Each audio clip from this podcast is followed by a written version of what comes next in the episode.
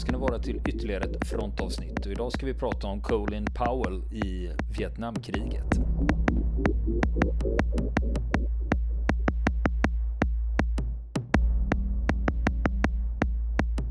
Ja Niklas, nu är vi tillbaka och nu blir det faktiskt sista delen av eh, Colin Powell i Vietnam. Ja, del fyra av tre. del fyra av tre. Ja. ja. Men hellre det än alternativt. Vi kunde ju lagt det som bonusavsnitt bakom betalvägg. Ja, nej, nej gud förbjude. Sånt sysslar vi inte med. nej, det är inte vår grej. Det, det ska vara gratis. Ja, eh, precis. Det, precis. det är lite så. Nej, men, det är men man kan ju fortfarande bidra om man känner för det. Vi har ju faktiskt möjlighet eh, för våra lyssnare att bidra antingen via Patreon, eh, patreon.com slash frontenpodcast eller också har vi ett swishnummer också. Det, de här pengarna, det går ju inte, det är inga mängder med pengar, det går ju inte till något eh, överdåd. Men jag har kunnat betala för böckerna jag köper till fronten i alla fall ja, och filmerna. Det. det. räcker till en bok då och då, typ. ja, och det är inte ja, det, det sämsta. det, nej, nej, men det, det tackar vi för. Ja, precis. Ja. Förhoppningen är att det kan eh, även eh, finansiera lite, eh, lite resor på sikt kanske. Nu börjar man ju låsa upp världen igen.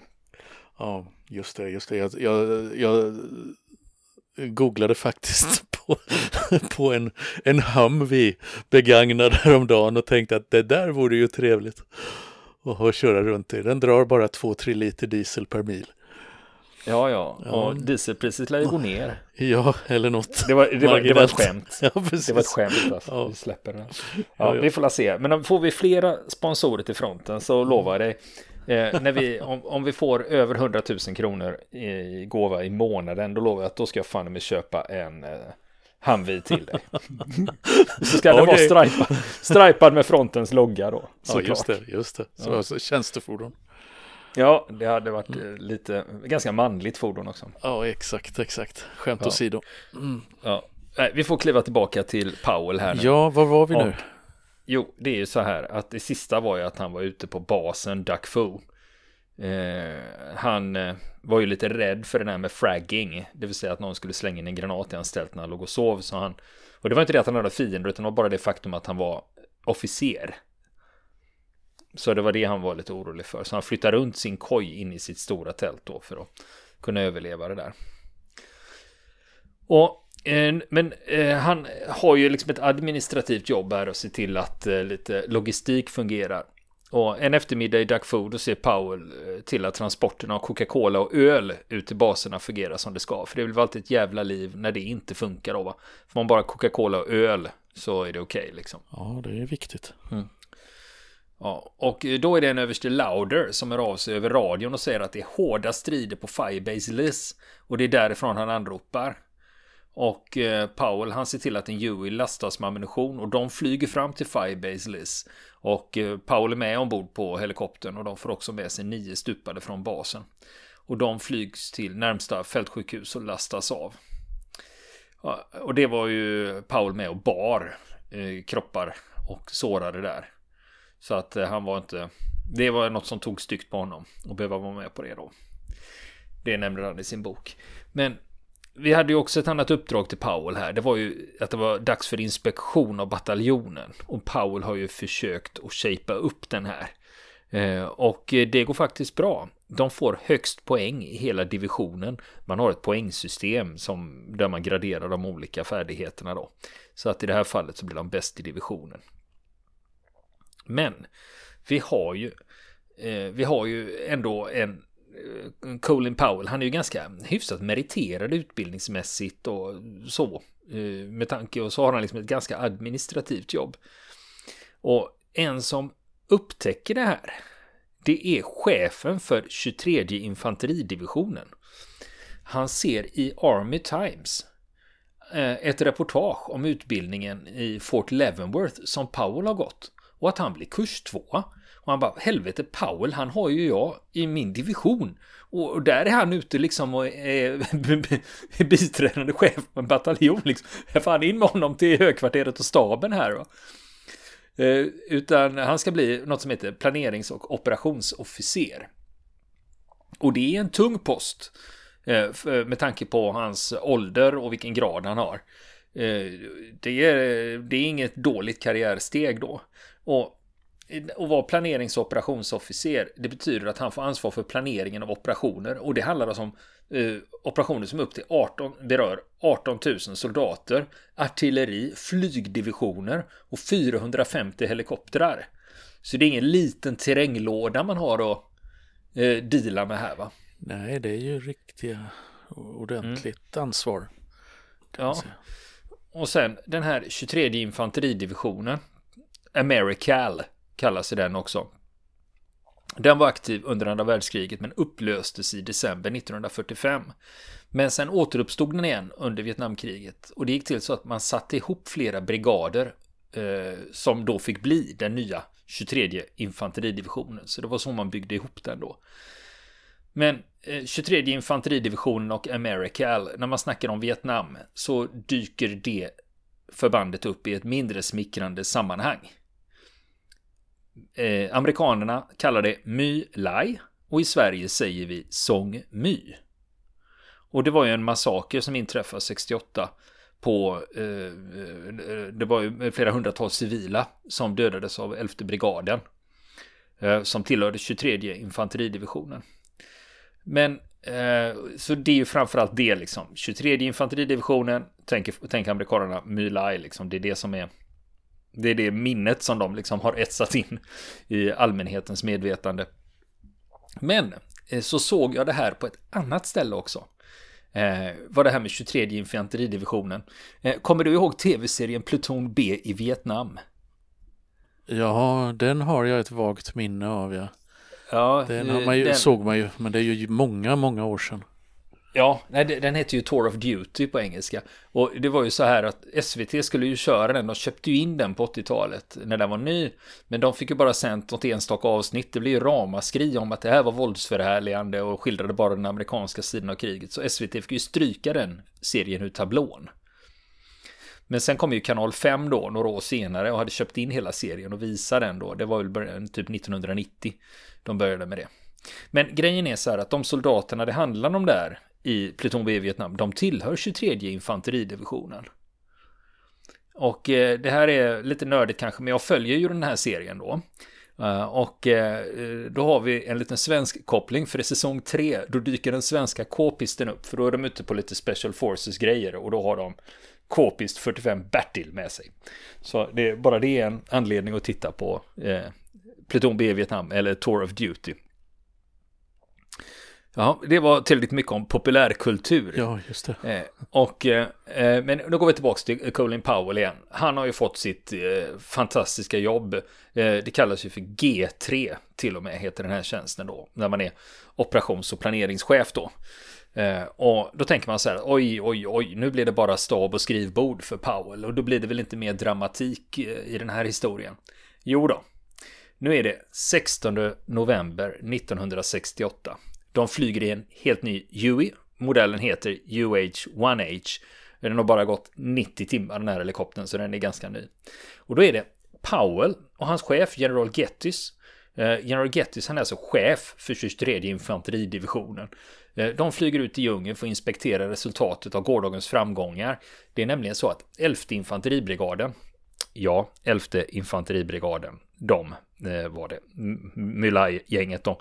Det är så att de har tagit 29 NVA-läger, inklusive ett högkvarter och en utbildningsbas. De har tagit mängder med vapen och viktiga dokument. Så nu ska högkvarteret ut och inspektera det här. Eh, det är också ett eh, fototillfälle, får man inte glömma. Och alla passagerarna ombord på den här helikoptern är högdjur från högkvarteret liksom. Det är en jävla massa guld och galoner och stjärnor och streck. Va? Och Paul när han flyger helikoptern så tänker han faktiskt på det att herregud fan, det är ganska det är, det är hela järntrusten som är med ombord på helikoptern då. Ja, nu vill man ju inte den ska störta. Nej, det vill man ju inte då. Men eh, de kommer fram eh, till 11 brigaden eh, där de är. Och så då har trupperna på marken, de har huggit ut en glänta i djungeln. Och så har de markerat det med en rökgranat. Och då kommer piloten in och ska göra ett landningsförsök. Piloten lyckas inte. Det här är tight som fan. Han lyckas inte sätta ner den. Så att han tar ett varv och försöker igen.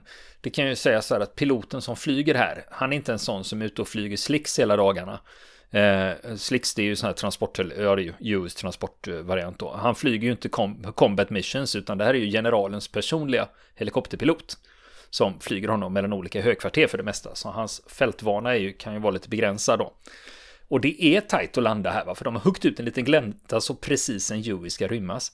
Och när han ska landa där, det är alltså en halv meter på varje sida.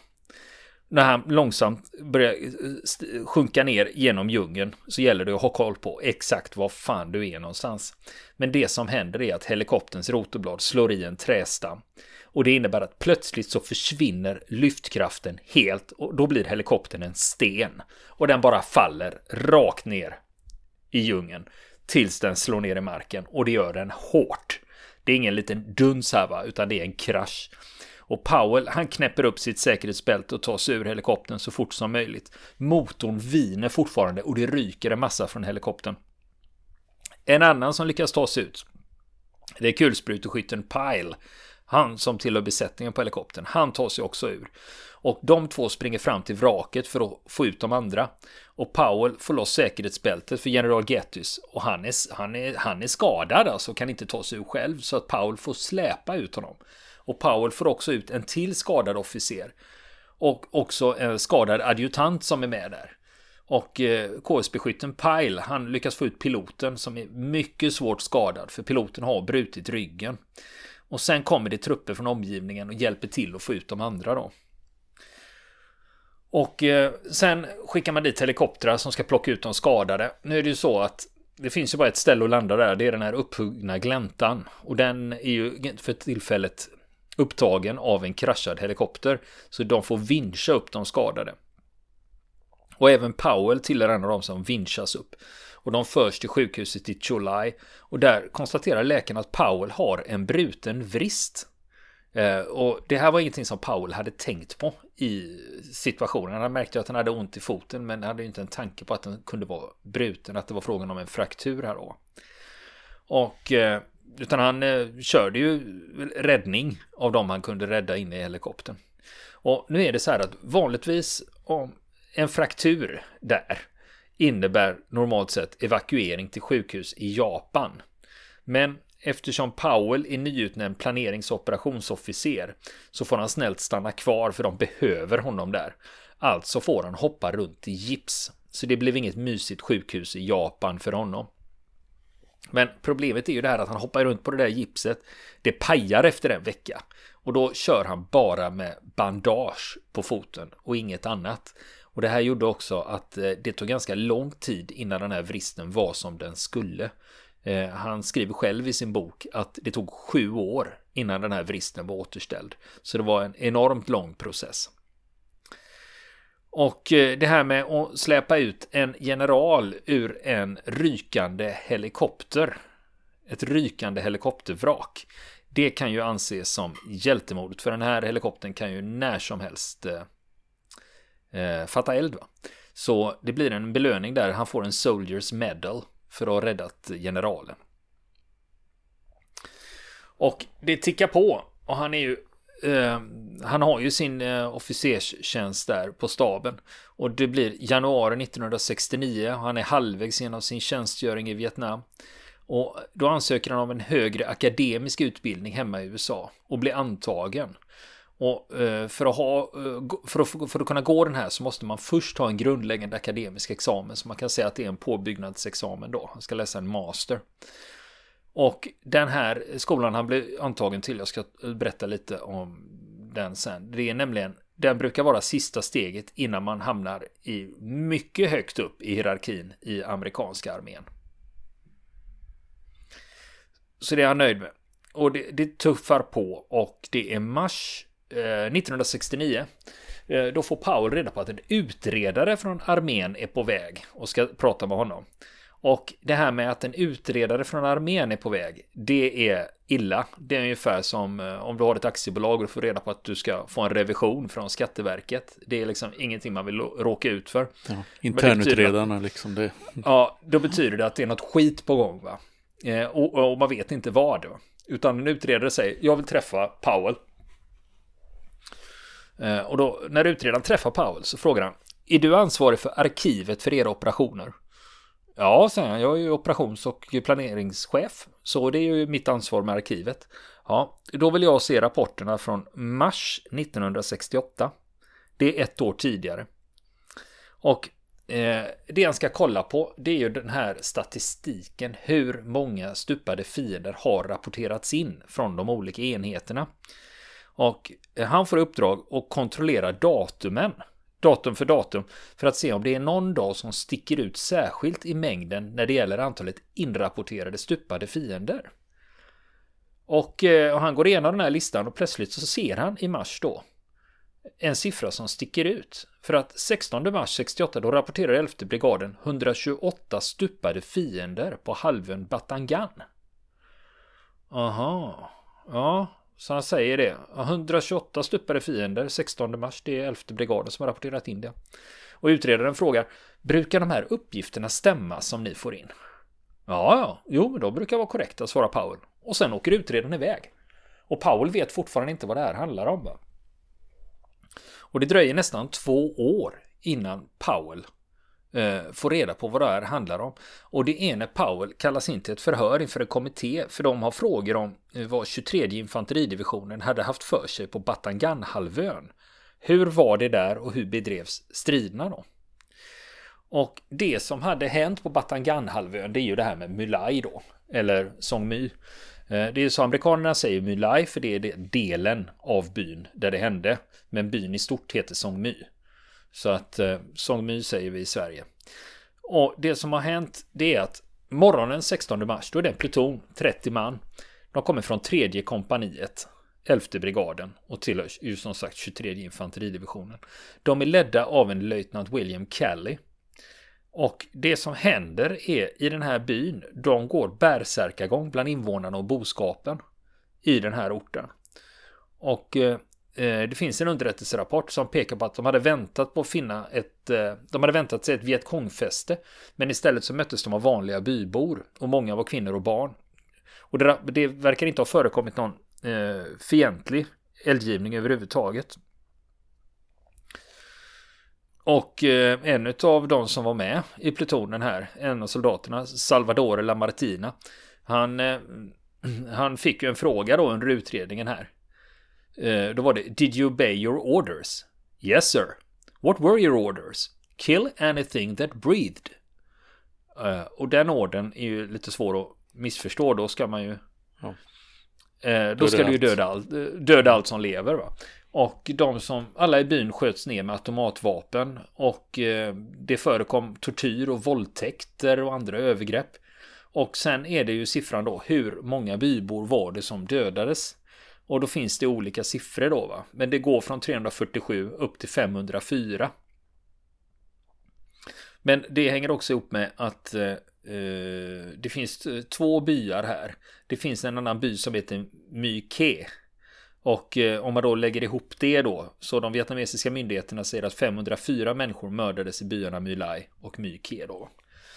Och eh, det som Eh, händer under den här massakern när de driver ner civilisterna i ett dike och börjar skjuta ihjäl alla. Inklusive småbarn, liksom, bebisar.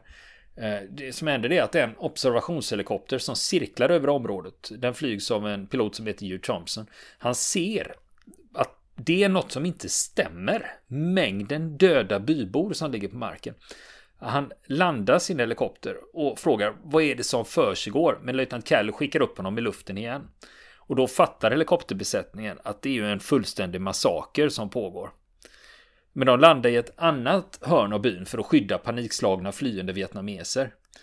Och han konfronterade också en befälhavande officer i C-kompaniet som ville kasta en handgranat ner i byns bombkällare. Eh, deras skyddsrum alltså. Och eh, på det viset så avbröt han massakern. Och, eh, och Thompson, helikopterpiloten där, han beordrar ju lite evakuering. Så de flyger i alla fall ut nio civila till säkerhet.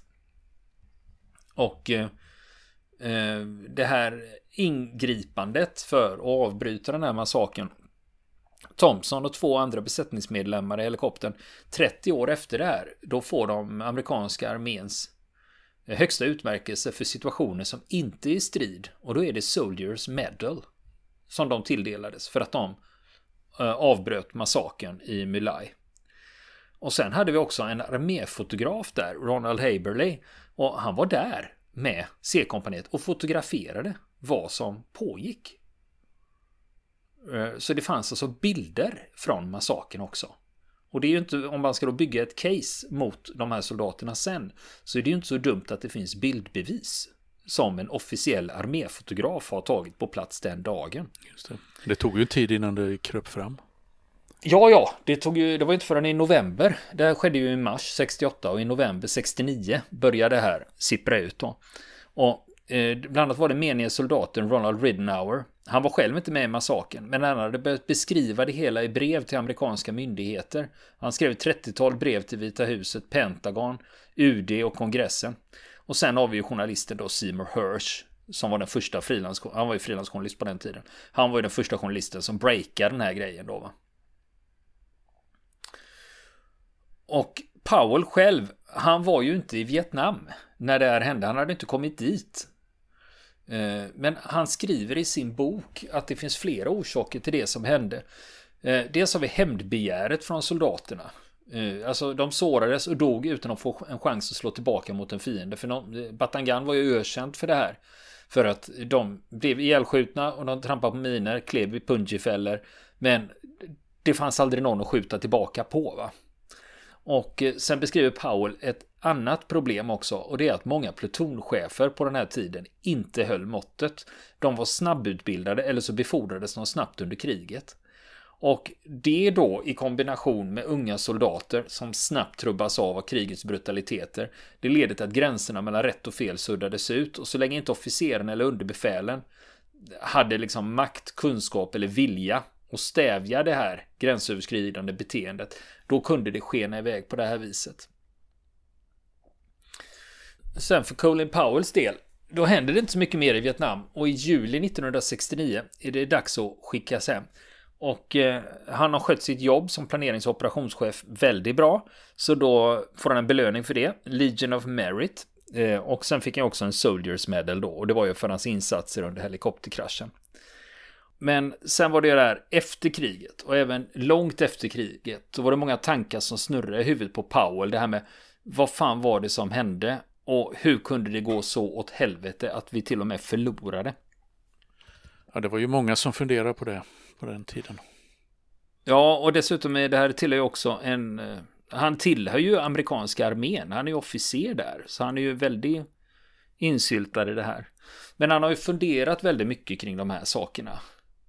Och en av anledningarna, tror Paul, att det var för mycket som doldes och som det ljögs om.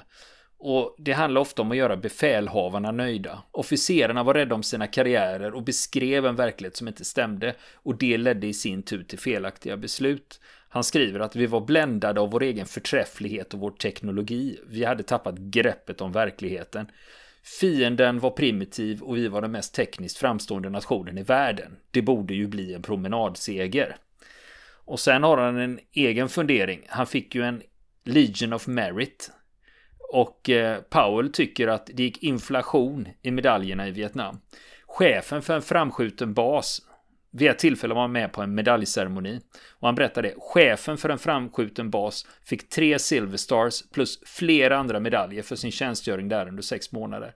Okej, han hade skött sig och ibland gjort hjältemodiga insatser och han var populär bland manskapet. Men vid medaljceremonin då fick de höra ett tal som innehöll överdrifter om ganska vagdagliga insatser. Det var liksom det att okej, han var duglig och gjorde det han skulle och ibland glänste han lite sådär va. Men det var liksom ingen men ändå fick han med sig tre stycken Silver Stars.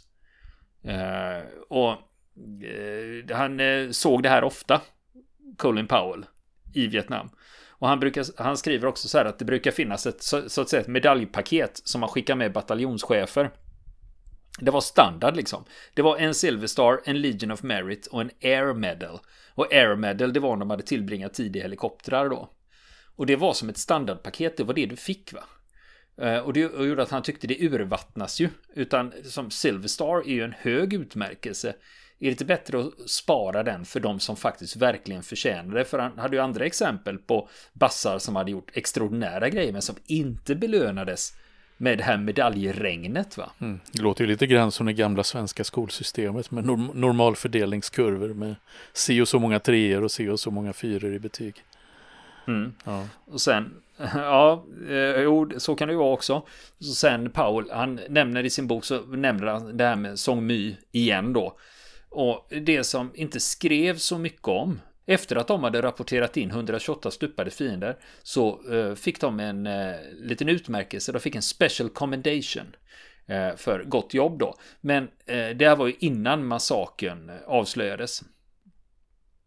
Men Paul skriver ju också att det här ingick i systemet med body counts. Eh, och det var ju det som ledde till att överdrifterna sattes i system. Hade man sett två Vietkong så var de antagligen åtta och då kan man lika gärna rapportera in tio jämt. Och det här body count systemet det ledde också till att kompanier tävlade mot kompanier och bataljoner mot bataljoner. Och då är problemet att om du vet om att dina konkurrenter överdriver sina siffror, varför ska du då inte göra det? Det, det ser ju inte bra ut för din officerskarriär om du har en bataljon i divisionen med minst antal dödade fiender. Det är ju inte bra liksom, utan det, du får ju hålla liksom jämna steg med de andra i alla fall. Men i det här body count-systemet, det var så att NVA, Nordvietnamesiska armén och Vietkong, de led ju oerhörda förluster. Men enligt Powell, så i det här systemet med body counts, så de förlusterna spelade ingen roll. Det var en amerikansk analytiker som presenterade så här. Dela upp antalet stupade per sida och så jämför man vad kostar det att utbilda dem och få dem liksom dug, i, i drift så att säga. Och sen gångrar man det med den politiska kostnaden av att vidmakthålla det här systemet och det här kriget. Och om man använder sig av den ekvationen, då spelar det ingen roll hur många från Nordvietnamesiska armén eller Vietkong som stupar. För det här kommer bara att fortsätta. För insatsen är så låg.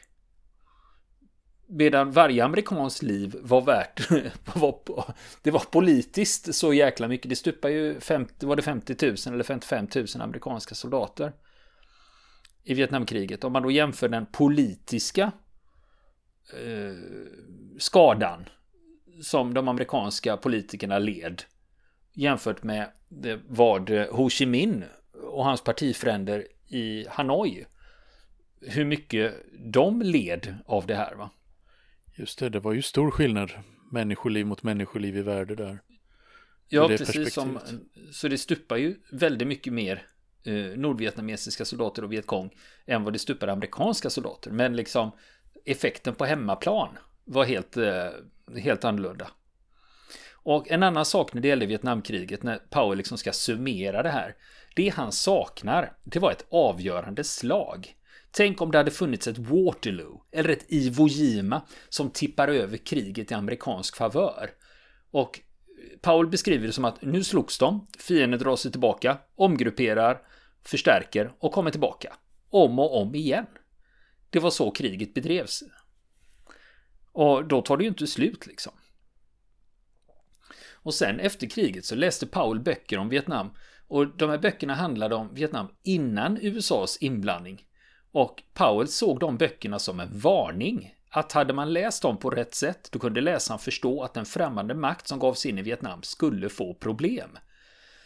Och en annan förklaring han hittade är att när det väl var igång kriget så fortsätter det för att man inte vet dels hur du ska få överhanden och du ska kunna vinna det. Men sen visste man inte heller hur man skulle ta sig ur det med ansiktet i behåll. Och då kom Powell att tänka på vad Kapten Hugh i den, eh, i den sydvietnamesiska armén hade sagt. Eh, när eh, Powell hade frågat honom varför är basen här? Ja, det är för att skydda flygfältet. Ja, men vad är flygfältet till för? Ja, det är för att försörja basen. Och, och den typen av cirkelresonemang applicerar Powell på amerikanernas inblandning i Vietnam. Det här att vi är i Vietnam för att vi är i Vietnam. Och vi ska stanna kvar i Vietnam för vi är i Vietnam. det, det är liksom uh, så långt man kan komma. Och han tycker också att, att om, eh, Paul tycker också att Om USA ska ge sig in i ett krig, då ska det vara för ett syfte som folk kan begripa och förstå. Och sen ska vi inte gå in för... Uh, sen ska vi gå in för att vinna kriget. Vietnam var ett halvhjärtat krig som många inte förstod. Och många var rent utav emot det. Och sen är Paul besviken över hur värnpliktssystemet med inkallelse funkade. Att eh, det var många som var inflytelserika som kunde få sina söner att slippa. Antingen genom att placera dem på universitet och college eller få in dem i National Guard. Eller det fanns massa olika knep då. Medan de som var fattiga och lågutbildade de fick snällt skicka sina pojkar till Vietnam. Och Powell kallar eh, den delen av Vietnamkriget för en odemokratisk skamfläck. Med att man utsatte vissa samhällsklasser för det här. Och sen säger, förklarar han också att den amerikanska militärens organisation och interna politik det bakband de som hade makten att fatta korrekta beslut. Och att de hade ett sektliknande förhållningssätt till verkligheten som gjorde att viktiga insikter om kriget aldrig materialiserades. Och att inte inse verkligheten så som den var, det kostade USA kriget. Och bedriver man krig på det här viset så går det inte att vinna. Så det är de det han hade att säga om USAs inblandning. Det var ingen... Det var en tung läxa. Det var en tuff recension kan man ju säga. Mm. Men han var ju ändå med och delaktig i det här. Va? Och det är ju därför han har varit tvungen att liksom försöka analysera det här. Vad fan var det som hände? Ja, men nu är det ju juli 1969 och Powell är ju klar med Vietnam. Så han åker hem till Alma och barnen. Och framför honom så finns en lovande karriär i amerikanska armén. Han har ju kommit in på eh, George Washington University i Washington DC. Han ska gå på School of Government and Business Administration. Men sen då eh, 69-70 då dyker det här med Mulai upp också. Och Colin Powells namn finns ju med i utredningen. Han var ju inte i Vietnam när det hände. Men varför är hans namn intressant i det här då? Jo, sex månader efter massakern, då fick han order att undersöka uppgifter i ett brev. Och det var ett brev som en soldat i 11 brigaden hade skickat till divisionschefen. Och där skriver soldaten inte ordagrant så här att i mars 1968 då mördade soldater från 11 brigaden hundratals civila i Mulai. Det står inte där va. Utan det står så här i ganska allmänna ordalag att han är oroad över den hänsynslöshet och brutalitet som amerikanska soldater visar mot civila. Och Powell utreder uppgifterna i brevet. Och i Powells utredning så står det att relationerna mellan amerikanska soldater och civilbefolkningen förefaller goda.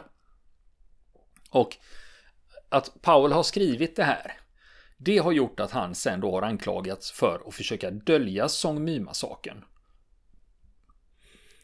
Han blev indragen i det på det sättet. Ja, precis. Mm. Ja, precis. Anklagelse om mörkläggning. Det där är att han skriver att det verkar ju som allting är okej utan att de går till botten med den här grejen egentligen. Men sen har vi ju det här med Song My och det är i november 69. Då publicerar journalisten Seymour Hersh de första uppgifterna om massakern. Och nu kommer det till allmänhetens kännedom och nu blir det utredning. Och den första rapporten som kommer om det här, det är arméns egna, den sågas ganska hårt. För där pratas det om max 200 dödade och att de fyra ansvariga officerarna sedan dess har stupat. Så att även om det har blivit civila dödade så finns det ingen att ställa till svars. Men sen i maj 1970 då skriver en amerikansk soldat ett brev till Westmoreland som var ju chefen för Vietnamkriget att han deltog i operationer 68 69 och att under de här operationerna vi höll på med det, det, alltså, mängden civila som strök med det motsvarar en Mylai-massaker per månad under det året som jag var där. Så det här var inte någon enskild företeelse. Och sen också 1970 så blir det ju krigsrätt efter Mylai. Det är ju 26, stycken officerare och soldater som står åtalade här. Men det finns en som döms och det är löjtnant Kelly som var plutonschef. Han är den enda som döms och det blir till livstid. Sen skrivs straffet ganska snabbt ner till 20 år och sen blir han benådad efter 3,5 år. Så då är han en fri man igen då. Han satt mest i husarrest under den perioden så det var liksom inte att han satt och skakade galler på Leavenworth. Så, eh, men det här Mylai-massakern den lever ju kvar i minnet och i populärkulturen. Men vi ska tillbaka till Powell. han pluggar ju på där på universitetet och han får sin MBA. Det är ju Master of Business Administration heter den. Och sen blir han antagen eh, till typ ett, en praktik, ett typ ett praktikprogram. Det kallas för White House Fellowship Program. Och det är en möjlighet att få arbeta i Vita huset under ett år. Så Powell får jobba där med liksom lite assistentuppgifter. Eh, och det är när Nixon är president. Och det är åren 1972 till 73. Men sen eh, när det är slut, han är ju fortfarande eh, officer i amerikanska armén. Då tjänstgör han 1973 i Korea, då är han bataljonschef. Och sen efter det så får han ett stabsjobb i Pentagon. Och sen fortsätter han plugga. Och då går han National War College i Washington och det gör han 75 till 76. Och sen 76 då eh, befordras han också till brigadgeneral. Och blir chef för andra brigaden i eh, 101st Airborne. Men han eh, har ju fortfarande kontakterna kvar i Washington. För han kommer ju tillbaka dit och fungerar som rådgivare till Caspar Weinberger som var försvarsminister. Och eh, det här är ju på 80-talet då. Då hjälpte han till att koordinera invasionen av Grenada och bombningen av Libyen. Som är kända händelser under den här perioden. 1983 var ju Grenada. Men sen 1987 då blir Powell National Security Advisor, nationell säkerhetsrådgivare. Och det var han sen under resten av Reagan-åren där. Och eh, bland annat så var han med och samordnade eh, topp, eh, det var ju toppmöten då mellan Gorbachev och Reagan. Så han var med och, och samordnade de mötena. Och sen fanns det också en annan fråga på agendan som han också var insyltad i. Och då var det där hur ska man störta sandinisterna i Nicaragua? Och eh, då 1987, det som händer, det är ju då att då upptäcks ju det här Iran-Contras-affären. Det vill säga att man skeppar ju, man säljer vapen till Iran. Eh, och eh, de pengarna eh, använder man till för att stödja Contras i Nicaragua. Som skulle störta sandinisterna. Just det, det fanns ju, någon, fanns ju någon överste där som var i skottlinjen. Oliver North, så hette han. Ja, just det. Han, han var, var med ju, på tv där. Ja, precis. Det var ju följetong ja. med honom. Han, för han var ju, tillhörde ju säkerhetsrådgivarna där då som någon slags chefs. Mm. Mm. Och det här var ju en väldigt svår eh, politisk eh, skandal för Reagan. För det tag var det ju snack om att kan, kan man ens sitta kvar som president när en sån här jävla skandal briserar. Och även Powell eh, fick en fråga om att han skulle upp och vittna inför det här kongressutskottet. Men det var det att han, eh, han var inte åt, han var liksom inte anklagad för att ha gjort något fel. Men hans eh, karriär tickar på. Så 1989 då blir han utnämnd till general. Och sen 1989 då är det ju president Bush den äldre som utser honom till ordförande för Joint Chiefs of Staff. Och den posten, kanske inte, eh, titeln kanske inte säger så mycket, men då är det den högsta militära positionen i försvarsdepartementet. Och eh, en sak som folk noterade då på den tiden, det var ju det här att Powell var ju den första eh, afroamerikanen som fick en så hög post då. Och det var ju också där, i den rollen, det var ju under Desert Storm 91 det är ju då liksom ögon, eh, allmänheten får upp ögonen för honom. När han är med och leder det här. Och sen har vi ju den här utnämningen till utrikesminister 2001. Och det är ju den första tunga politiska posten som går till en afroamerikan i USA. Och att få den här posten i januari 2001. Eh, det visar ju sig att det var ju ingen jävla lek. Utan eh, du vet ju vad som lurar runt hörnet om du tillträder som amerikansk utrikesminister 2001. Då har du ju 9-11 några, några månader senare. Va? Och sen efter det så följer ju hektiska år här. Det är inblandning i Irak, det är ju också Afghanistan. Det är ju andra historier som vi inte ska gå in på nu. Va? Men då har vi ju det här med att eh, problemet här med eh, Powell då, han har ju tidigare, har, han har ju förekommit lite i utkanten av Mülay-massakern. Han har förekommit lite i utkanten av Iran-Contras-affären. Och sen 2003 så var det ju det här med varför USA skulle in i Irak. Jo, det var ju på grund av Saddams massförstörelsevapen. Och det var ju någonting som han senare faktiskt fick lov att backa på. Att de, för han stod ju liksom och säger att vi har, han stod och viftade med papper liksom, här är bevisen för det här. Va? Och sen lyckas man efter att ha gått in i Irak, man lyckas ju inte presentera några bevis på att det faktiskt fanns. va? Nej, man gick ju på det... förmodligen en, en, blåsning eller kanske till och med med öppna ögon. Så att säga, för det, det var väl eh, felaktiga underrättelser helt enkelt från irakiska exilkretsar också som född, som så att säga underblåste det här och det kom ju väl till pass när man då ville ingripa. Så hur mycket man, hur mycket man egentligen visste och hur mycket som man eh, ja, använde det som en, eh, en förevändning medvetet för att slå till det. Det har väl inte, det har väl inte allt krypit fram än, så att säga.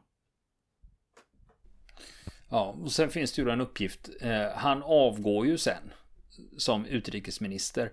Och eh, enligt vissa uppgifter så var det så här att eh, han blev ombedd att avgå av stabschefen i, för, eh, för president Bush, Andrew Card.